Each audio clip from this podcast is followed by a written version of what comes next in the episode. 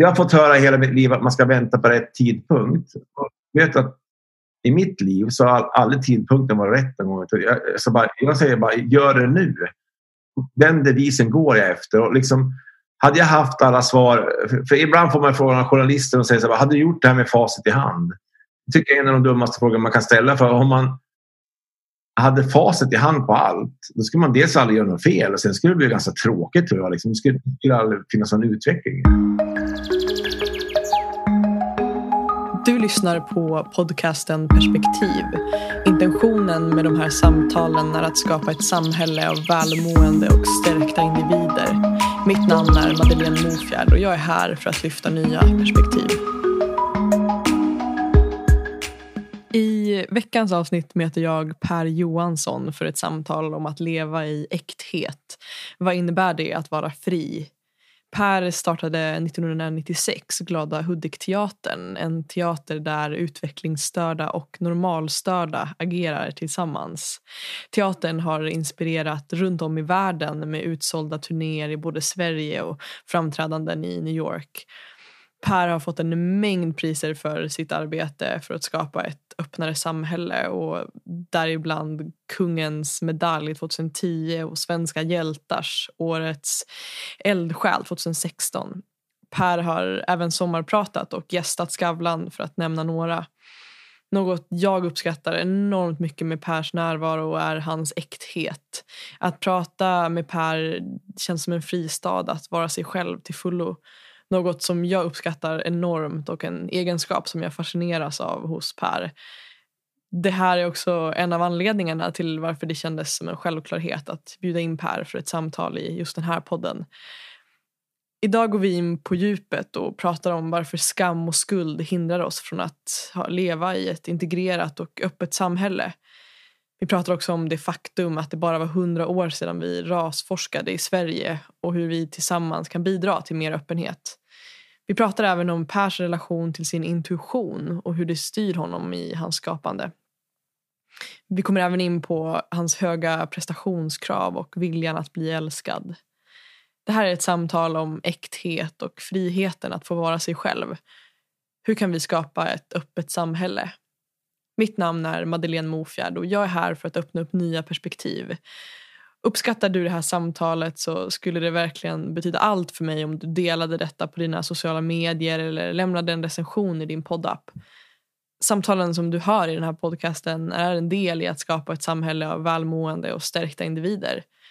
Och vill du möta fler nyfikna människor och connecta på djupet så är du varmt välkommen att möta oss i Facebookgruppen som finns tillgänglig för dig som lyssnar varmt välkommen genom länken som du hittar i beskrivningen till det här avsnittet. Och nu, mina vänner, så har det blivit dags att bjuda in Per till samtalet. Hej och välkommen Per Johansson till Perspektiv. Tack! Det är roligt att vara med i just den här podden tycker jag.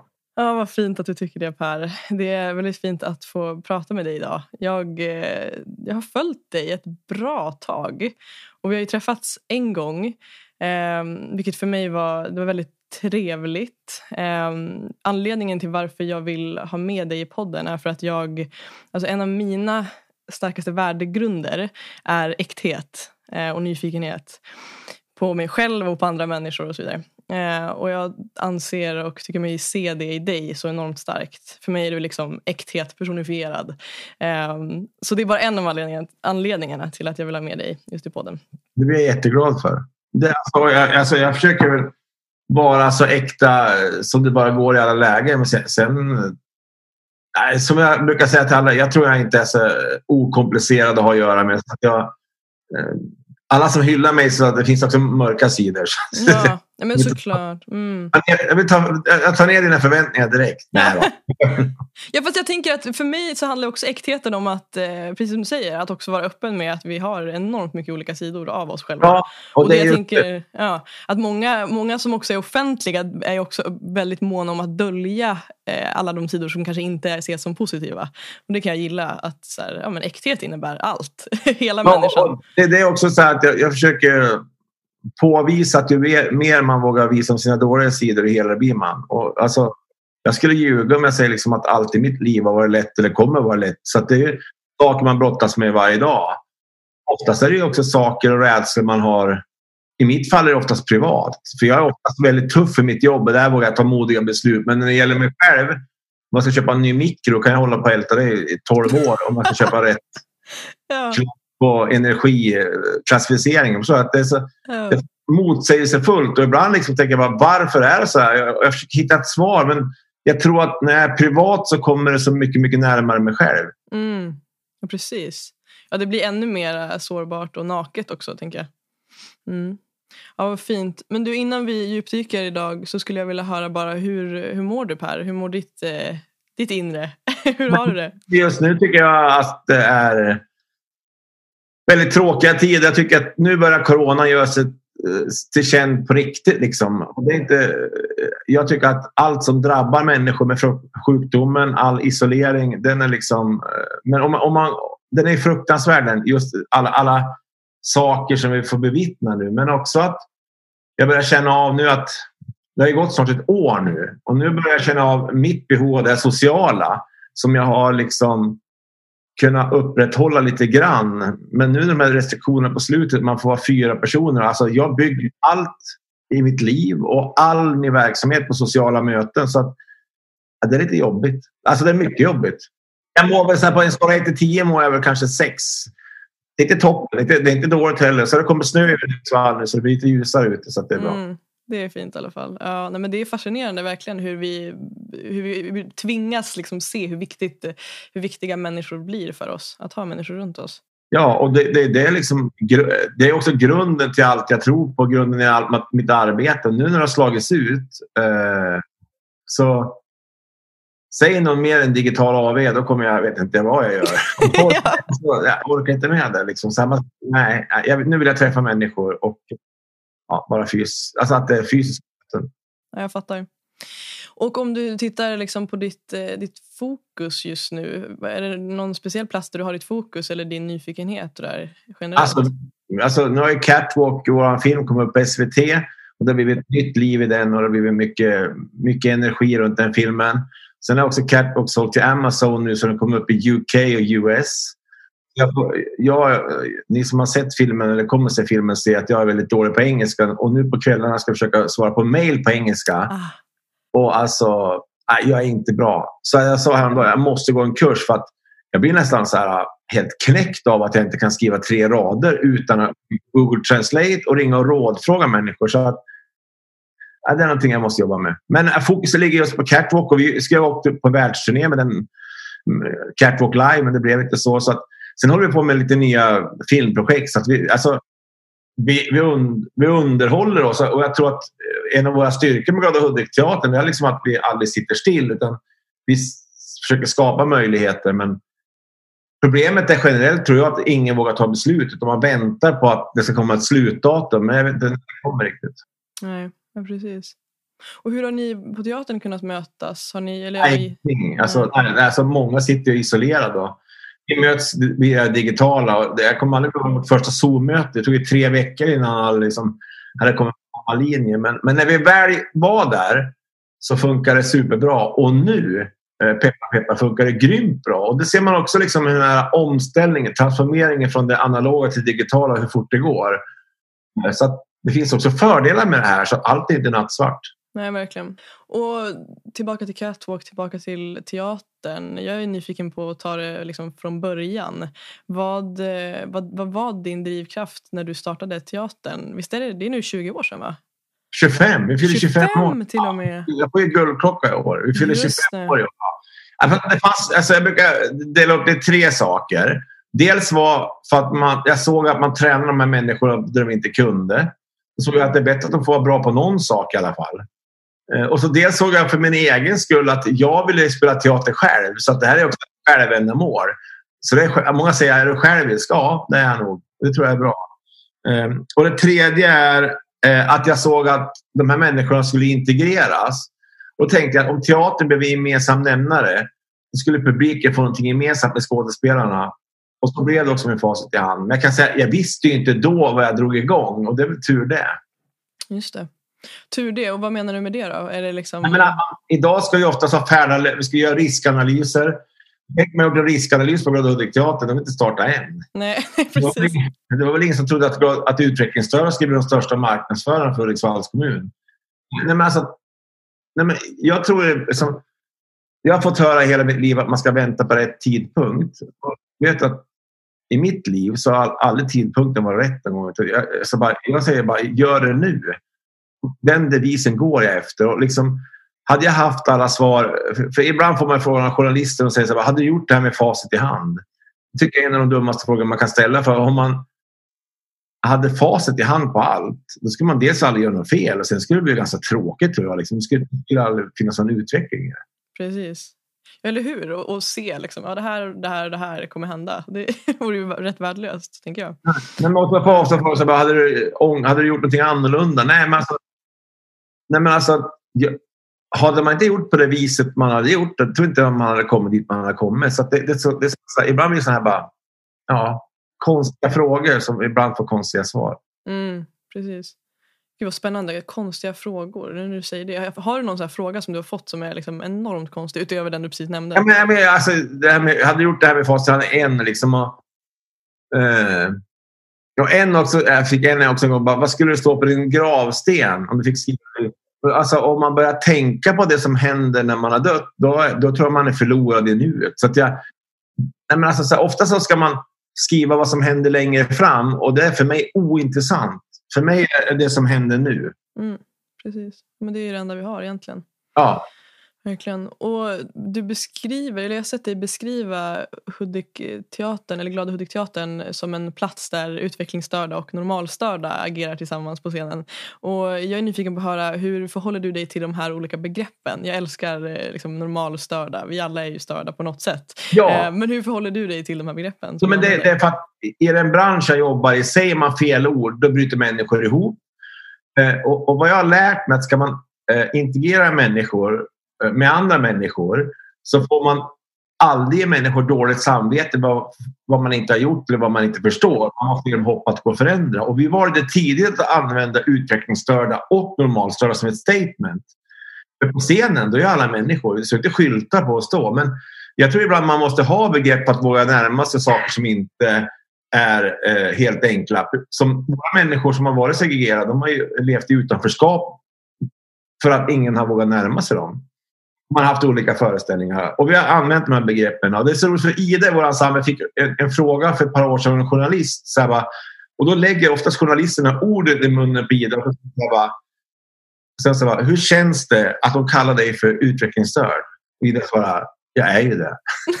och, och, och då bara så här, vart jag helt tyst. Och, och journalisten visste, hur ska jag svara och gå vidare nu? Så att det är oftast mer problem för omgivningen det är för personerna själv. Just det. Ja, men det är ju spännande. Jag tänker att det är så med många saker också som väcker, precis som du säger, det väcker liksom skam och lite skuld också. Att inte vara tillräckligt insatt kanske. Och att, eh, att vi då också, många människor undviker att prata om ämnen. Och det kan ju bli den största boven, precis som du beskriver. Och det är precis det du säger nu. Det är precis det som är eh, fun- grundfundamentet varför vissa former av integration inte fungerar. Att det är människors skam, skuld och pekpinnar att man inte är påläst, inte har kunskap. Men för att integreras och, och skapa integration så kräver det kunskap och framförallt det mänskliga mötet. Precis, ja verkligen. Så att, så att, så att, så att liksom, jag säger bara fokusera mer på människor än begrepp. Mm. Och när vi ändå är inne på de här frågorna kring integration och så vidare. Hur, hur har det varit? Jag tänker för de som inte är insatta i den här frågan och inklusive mig själv också. Det finns mycket som jag inte vet i den här frågan. Eh, hur har det liksom sett ut i historien? Det, det tar ni ju upp lite grann i Catwalk, eller ganska mycket. Liksom. Det är en viktig del av filmen och, och hela er eh, föreställning. Eh, så, så här, dels hur har det sett ut i historien och vart ser du att vi är på väg i integreringen? Jag säger så här att Sverige var första land, ett ett av de första länderna i världen som var med rasforskning. Vi forskade med vad eh, homosexuella, utvecklingsstörda och samer och det gjorde vi började i Uppsala på 1922. Alltså, och då, nästa år så är det 100 år sedan. Och det är inte länge sedan. Alltså, och det var ju alltså att hitta en ren arisk ras. Och vi vet vilka som tog efter eh, de tankarna. Alltså, och vi gjorde ett test på Vipeholmsanstalten nere i Lund där utvecklingsstörda fick äta godis. Eh, 30 ton tror jag man tog dit och det la grunden till svensk tandvård för att se hur karies påverkar tänderna. Nu fick jag reda på alldeles nyligen det finns en grav, en massgrav för utvecklingsstörda i, i Lund. Eh, det fanns svälttester så att historiskt sett så har det inte varit bra. Men vi har kommit långt idag, men inte ända fram. Men jag tror att vi måste förstå vår egen historia för att förstå hur långt vi har kommit idag. Jag tror att vi också kan hjälpa andra att inte göra om samma misstag. För det här bygger ju på kunskap och det här är ett väldigt mörkt hål i svensk historia. Och när jag läser de här testerna man utförde på Vipeholm och man utförde i Uppsala så blir man, man blir jätteledsen. För man trodde inte det kunde ske i vårt land. Nej. Nej, det är ju verkligen det är helt ofattbart. Och som ja. du säger att det är så pass, eh, alltså det är nyss liksom. Det är inte, ja. det är inte medeltiden vi pratar om. Liksom. Det, ja, och, och vart ser du, ser, ser du liksom positivt på vart vi är på väg någonstans? Ja, absolut. Men vad, vad, vi, vad vi inte får göra det är att stanna upp med det här arbetet. Det här måste bara fortsätta. Och jag hävdar ju att vi skulle ha ett ämne i skolan som heter integration och mångfald det finns lika viktigt som svenska och matte. För det är inte bara utvecklingsstörda som ska integreras. Det är massor av typer av människor som ska komma integreras i vårt land. Och då för att skapa en förståelse så måste man börja i skolan. För jag hävdar att går man i skolan och får en lärare från Afghanistan så blir det inte lika lätt rasist. Går du i skolan för att möta killar och tjejer med Downs syndrom då får du inte lika eh, lätt lätt fördom mot utvecklingsstörda. Det här måste man göra på riktigt. Att säga rätt saker, det är jättelätt. Men att göra rätt saker, det är det som är skillnaden. Mm. Precis, och, och jag är också nyfiken på din syn på integration. För jag, jag har också hört dig prata i en del eh, intervjuer om det här där det liksom finns också en del där vi tror att integration måste handla om att alla människor ska, ska vara exakt likadana. Eh, och där har jag också hört dig uttala dig om att så här, det är eh, Ja, att det är, du säger att det inte att för en onormal att bli normal är inte normalt. Jag kommer inte ihåg exakt hur du uttrycker det. Men, nej, men, det, men, mm. men, vad jag säger så här, vad man måste förstå är nu att vi oftast hakar upp oss begrepp. Alltså mångfald och integration, det är slitna politiska begrepp idag. Eh, och ena stunden, då ska man vara sig själv. Och ena stunden ska man vara som alla andra. Så det här går inte ihop för mig. Men jag hävdar liksom att att så länge vi börjar med varje människa, med varje individ och det bottnar i människors lika värde. För att mångfald för mig, det är inte vilket kön eller vilken hudfärg, det är vilken typ av människa man är. Så det kan ju sitta eh, 20 män i ett rum, det kan vara jättestor mångfald. Och då, då bottnar det i vilken musiksmak, vilken mat man tycker om, vilken ideologi man tycker om, vilken, eh, är man sportintresserad? Så, så, mångfald är så mycket, mycket mer. Så men vi, vi, är lätt, alltså det här är lätt i vårt land idag att ha pekpinnar och skylla på varandra. Det är oftast lätt att skylla på politikerna, men jag tycker man ska börja med sig själv. För om man börjar med sig själv, då hittar du ofta svaret.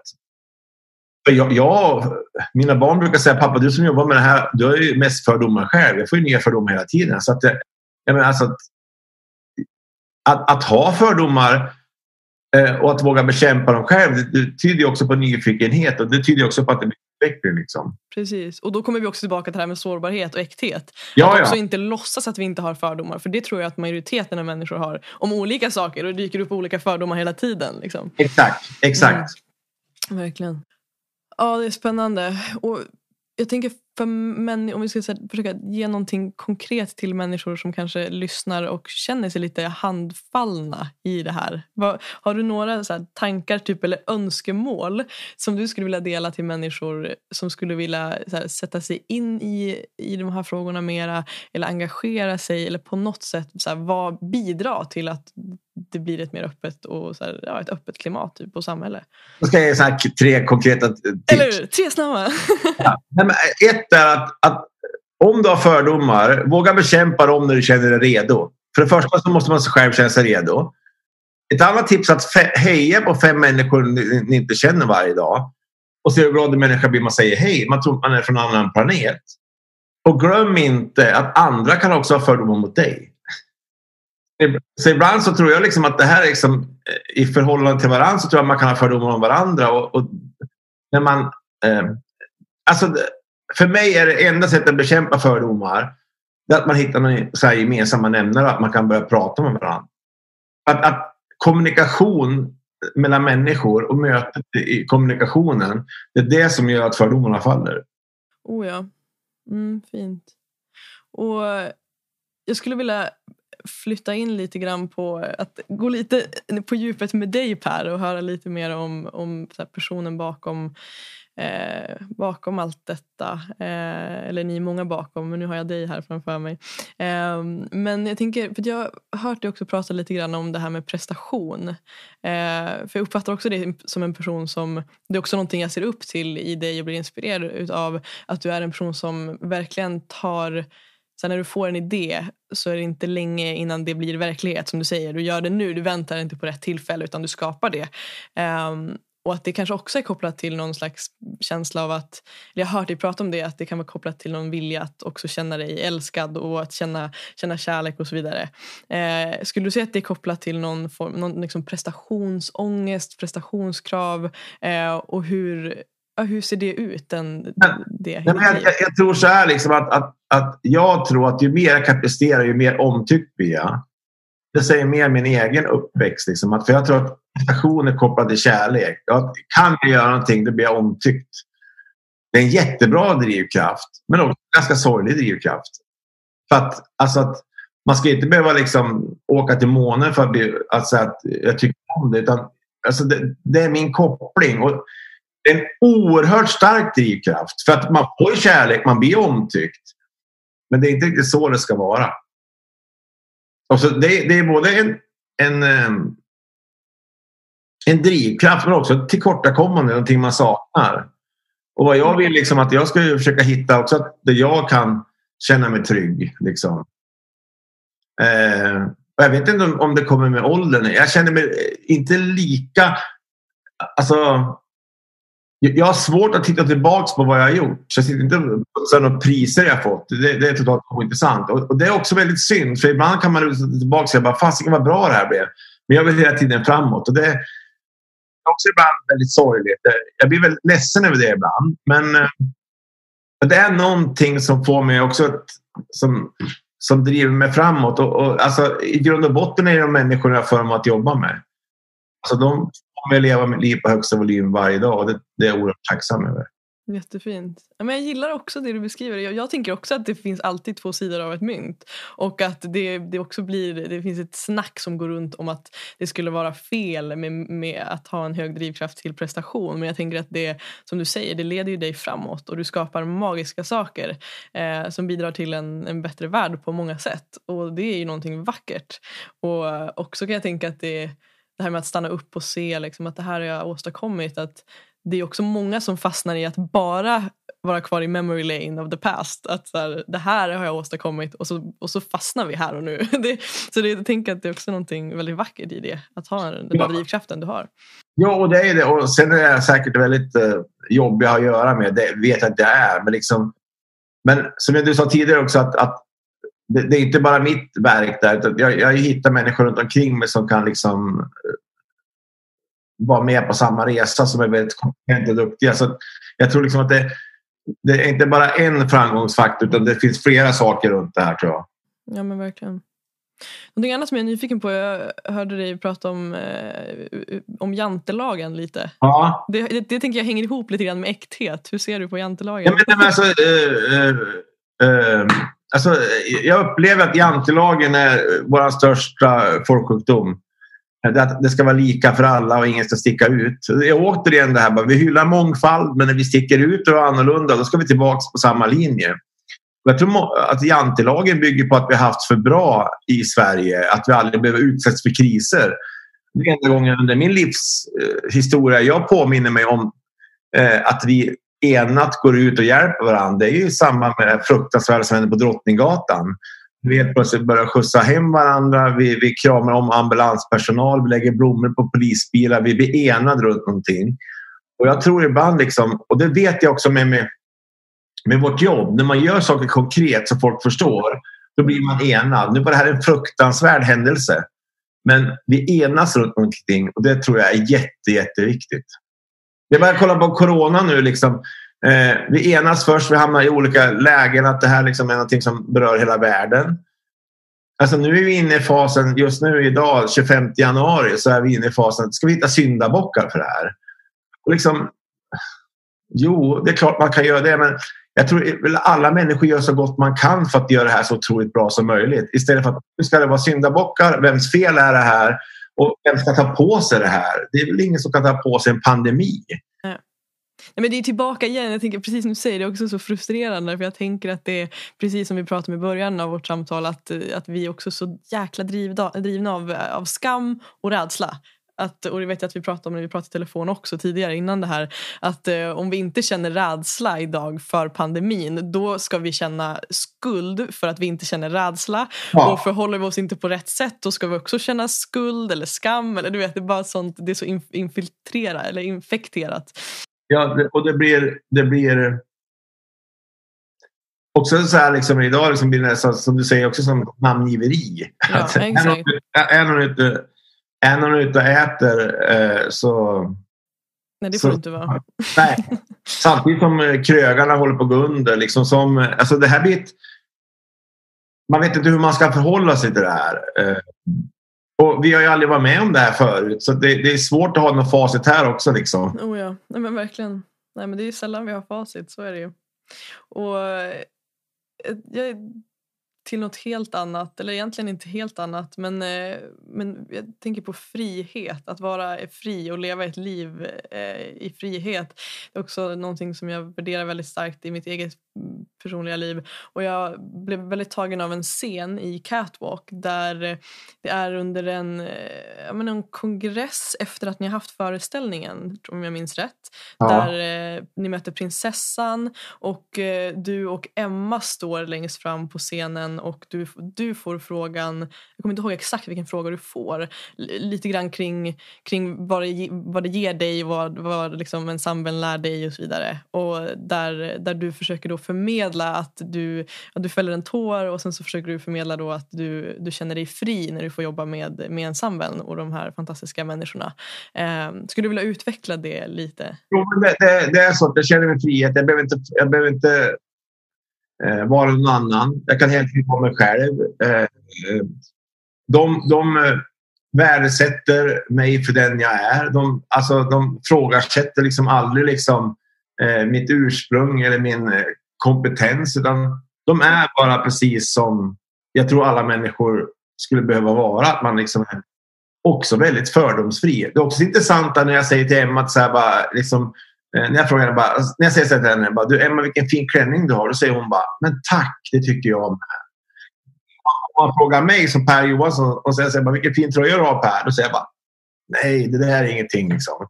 Jag ska försöka förklara mig undan och det tycker jag är jag tycker att det är intressant. Eh, eh hur jag förhåller mig och Emma förhåller sig. Liksom Emma har inte gått så här kompetensutveckling i värdegrund utan hon är bara den hon är. Och det tycker jag är ett generellt ställningstagande eller beteende hos alla de jag har förmånen att jobba med.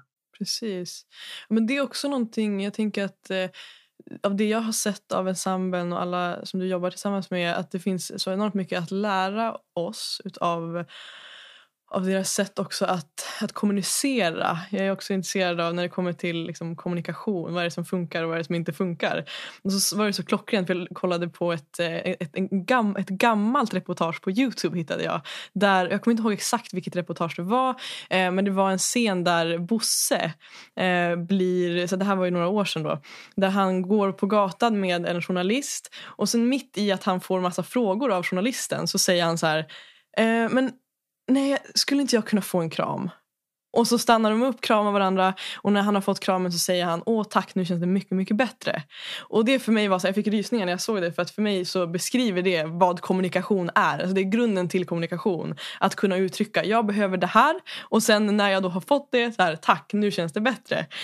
Um, jag tycker det var så klockrent och just det här att det finns så mycket att lära oss utav tydligheten. Ja, och Bosse var ju, mm. ja, Bosse var ju exceptionell på det. Han älskar att kramas. Eh, han sa så här, om man ger någon kram så blir man mycket gladare. Så han kunde gå in i rum där det var härdsmält och folk kom ut och log. Och, och Bosse var ju liksom, han gav ju också kramet ett ansikte. Vi har ju ett uttryck som heter sluta aldrig kramas. Så det var ju Bosse som införde det. Han, han, han lämnade oss tyvärr nu för fem år sedan. Nu står ju hans staty i vår stad. Eh, och den, den står mitt på gågatan. Bosse står mitt på gågatan. Statyn är i brons. Eh, den är i skala 1-1 så är den varm så man kan krama den. Så varje dag som människor kramar Bosse tycker jag är coolt. Även i coronatider så ska man ge honom en kram. Han är kramsäker. han är kramsäker. Ja, gud vad fint. Och han, han kan säga han har inte tyckt om det här med corona. För han, och jag tror han hade trotsat också restriktionerna. Han hade kramats ändå. Han var väldigt, han var väldigt direkt Bosse liksom. Fint. Ja, vad fint. Bosse. Ja, han verkade fantastisk verkligen. Och men det är spännande just det här med lärdomar. Finns det någonting du kan se att du har, eller såklart att det gör det tänker jag, men är det någonting specifikt som du är tacksam, speciellt tacksam att du har fått lära dig av de människor du jobbat tillsammans med? Ja, men alltså, som jag sa tidigare, så att den dagen du slutar vara dig själv faller allt. Så att, eh, att, att vara dig själv. Att min upplevelse att ingen i vår ensemble någonsin har eh, försökt vara någon annan och det tycker jag är befriande. Så att det, det, det är väl den största lärdomen jag har fått. Och sen, sen eh, så, så, så, så har ju alla människor tillkortakommanden. Och det, det har ju jag, det har ju, hade ju Bosse. Alla har ju det. Liksom. Men jag tror liksom att fokuserar man bara på det som inte går så blir det väldigt tråkigt. Alltså, jag ser vad man kan. Och sen ska man inte heller ge människor falska förhoppningar. För att jag har hört liksom att så bara, alla kan sjunga. Men kan alla det? Alla, alla, men alla kan inte bli musikalstjärnor. Och jag har mött killar och tjejer som drömmer om att skriva bli musikalstjärna till man är 45. De kommer på att kan inte sjunga. Och då blir fallet jättedjupt. Så att jag tror liksom också att man ska försöka på ett bra sätt mixa in varje människa i, i foller där man känner sig trygg och där man kan utvecklas. Precis, men det tänker jag också. Det finns mycket att lära sig i det. Att verkligen så här, välja hur mycket roligare livet blir när vi fokuserar på det vi faktiskt är bra på. Och utveckla det istället för att göra det vi är dåliga ja. på. Ja, men jag hörde en historia om en kille, en utvecklingskille i England. Och då, han sa hela sin eh, gymnasietid att jag vill bli Formel 1-förare. Det är klart du ska bli det. Men då sa hans lärare bara, varför säger vi det? Han kommer aldrig kunna bli Formel 1-förare. Så hans lärare sa bara, du kommer inte kunna bli det. Och alla bara, hur kan du säga så? Men då sa han så här, du kan bli Formel 1 förare att putsa bilar. Och den här killen bara, kan man? Ja, du kan bli så bra. Så idag så jobbar han på en rekond. Eh, men förstår liksom att det är inte att krossa hans drömmar. Det kanske är att eh, förädla hans drömmar. Om man sagt till honom att du kan bli Formel 1-förare och han aldrig kunde bli det, då gör vi också, tycker jag, gör han en otjänst. Och sånt tycker jag är intressant. Men det är lite också att förlöjliga, tänker jag. Ja. Alltså att, eh, att inte vara rak, tänker jag. Nej, precis. Och han var, var inte ledsen över det. Han såg en annan ut. Och det var ju så läraren liksom la fram det och det tycker jag är coolt. Verkligen. Ja, fint. Och när det kommer till ditt skapande, jag tänker eh, filmmässigt och allt det du tar dig för, jag upplever dig som en väldigt kreativ eh, person. Ja, jag är jättekreativ också. Under vissa perioder blir jag jätte, jättekreativ. Då har jag en svart bok i min säng så jag vaknar flera gånger på natten och skriver upp massa ja. tusen saker. Så det är olika, olika cykler det där. Liksom. Men, men äh, allt blir ju inte liksom någonting som blir så här, går i mål. Utan det är liksom... Eh, nej, men det är liksom... Jag är kreativ i olika perioder. Men, alltså, men sen går jag på bara... Jag är inte särskilt intelligent, så jag går bara på min intuition. Men när jag kommer på någonting, alltså, när, när magkänslan säger att det här är rätt, då kör jag bara. Då lyssnar jag inte på någon annan. Men är det minsta tveksamheter, då frågar jag. Men det är fint. Jag gillar det du nämner om intuition. Jag tänker att det är väl den starkaste styrkan en människa kan ha kanske. Att vara i kontakt med sin intuition. Eh, och hur, hur lite intelligensen i det sammanhanget spelar någon roll egentligen. Eh, skulle du säga att du alltid har varit i kontakt med din intuition? Eller har du liksom... Ja, det uh. tror jag. Men den kan ha fel också. Så det, det behöver inte vara det. Men, men alltså att det, det är det jag går på. Alltså, jag är väldigt så här, känslostyrd.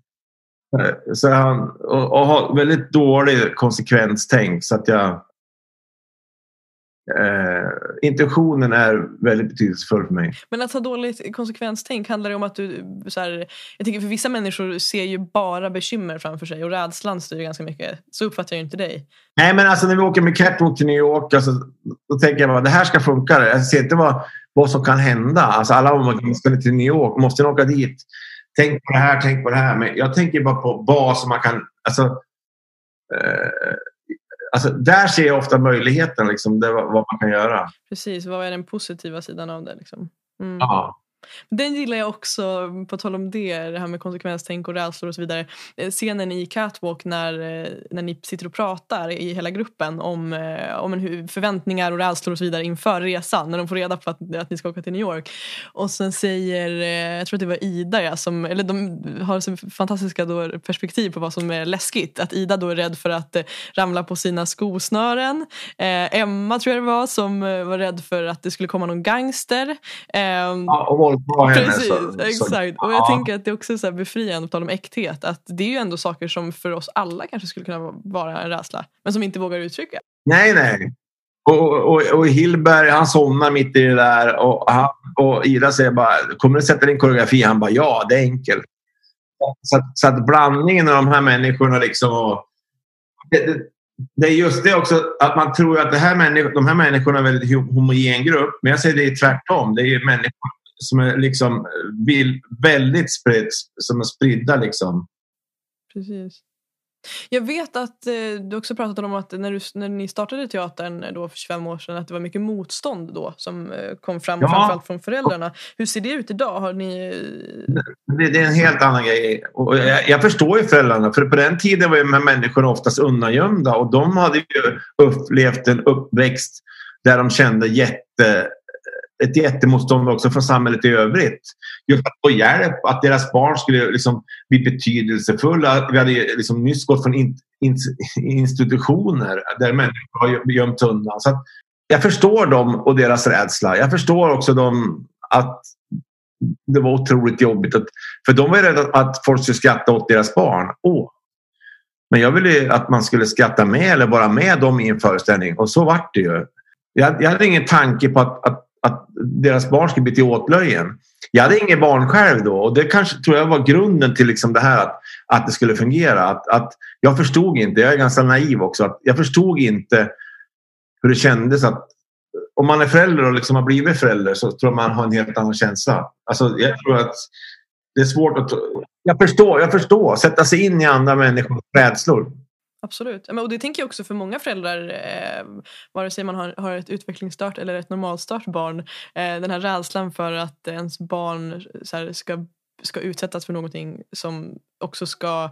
Jag tänker att vi alla har vårt eget ego också som föräldrar. Jag har inte heller, eller jag har inte barn själv så jag är kanske inte rätt person att, att prata men eh, jag, jag, kan se liksom i relation till mina egna föräldrar och så här, att det också finns ett, en, en koppling mellan att vi vill att våra egna barn ska vara Alltså att vi har en förväntan på våra barn. um, och att de ska bli så här, ja, uppmärksammade på ett sätt som vi vill att det ska se ut på. Uh, och att det kanske väcker rädsla då. Och så kommer det in någon Per Johansson som ska... ja, så då man var världsmästare och ganska ung. Och liksom att, uh, så att, jag förstår dem.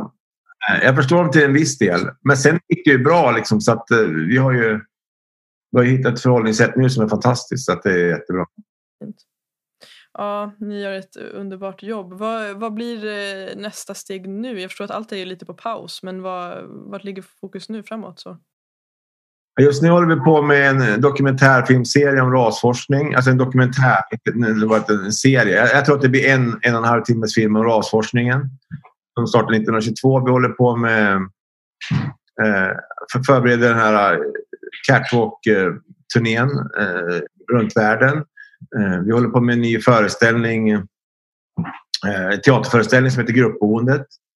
Vi håller på med en utställning som heter Ikoner som vi startar med Fotografiska med en modell med Downs syndrom. Vi håller på att jobba utomlands i Makedonien, Lettland Georgien. Så vi, vi jobbar liksom hela tiden. Eh, så att vi, vi ser fram vi tycker att det är toppen. Fint. Jag ser fram emot att följa resan framåt.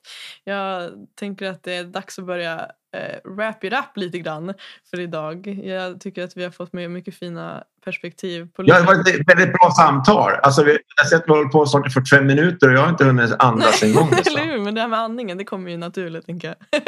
okay. Nej, men, ja, men innan, jag, innan jag släpper iväg dig så tänker jag jag skulle vilja höra, har du några tips på eh, Eh, nu tänker jag på dig som filmskapare och sådär kreativ själ. Har du några tips på typ filmer eller dokumentärer som har eh, på något sätt förändrat ditt tänkande eller eh, ja, bara sådär eh, som du gillar? Alltså, ja, men nu, nu, en klassisk film som jag älskar det är ju Forrest Gump. Har man inte sett den så tycker man ska se den för den tycker jag liksom är helt fantastisk. Eh, sen finns det så otroligt mycket bra dokumentärer alltså. Eh, Catwalk såklart. Catwalk det finns på SVT Play så jag ska kolla på det här. Men det finns ju jätte, jätte, jätte, jätte, jättemycket bra. Uh, jag kommer inte på någon, men Catwalk ja. säger jag. Och Forrest Vi stryker under Catwalk med så här fet markeringspenna. That's the one. Ja, jag får återkomma om dokumentärer. Jag, jag, jag, tittar på dokumentärer jätteofta. Så att, um, jo, det finns en dokumentär på SVT om Diego Maradona som jag tycker mm. man kan se. Jätteintressant. Nice. Är det, skulle du säga att den är intressant även för människor som inte är insatta i fotboll? Mm. Ja. Cool. Det gillar jag. Och Per, om du kunde nå hela världen i 30 sekunder, vad skulle du vilja säga då? Gör det du är bra på och var snäll. Ja, fint. Det ska vi göra. Och är det någon fråga som jag inte har ställt dig som du skulle vilja att jag ställer dig nu? Nej, med facit i hand så, så är det. Då har du ställt allt. Äntligen har vi fått facit på någonting här i livet. ja. Men det är så skönt också att höra norrländska tycker jag. Ja. Det, det, jag tycker det är skönt med dialekter. Och jag, jag, jag tycker det är bra att du har kvar den även fast du bor i Stockholm. Gud vad roligt att du säger det nu för jag, nu inser jag. För grejen är, för jag, jag, tror att jag, jag är lite som en kameleont när det kommer till min dialekt. Så när jag, pratar, när jag pratar med en stockholmare så har jag, pratar jag typ stockholmska. Och, eller vad det nu är för dialekt. Och sen när jag pratar med norrlänning så kan jag, det bli väldigt grovt åt andra hållet. Så nu inser jag att jag har nog, eh, ja, men jag har nog brett på lite här. Det är bra. Det är bra. Bjuder lite på det. Ja. ja men du, tusen tack Per. Det har varit fantastiskt. Eh, att få tack för att jag fick vara med. Timmen. Ja, ta hand om ja. dig. Vi hörs snart. Ja, det gör vi. Ha det bra. Hej då. Hej då.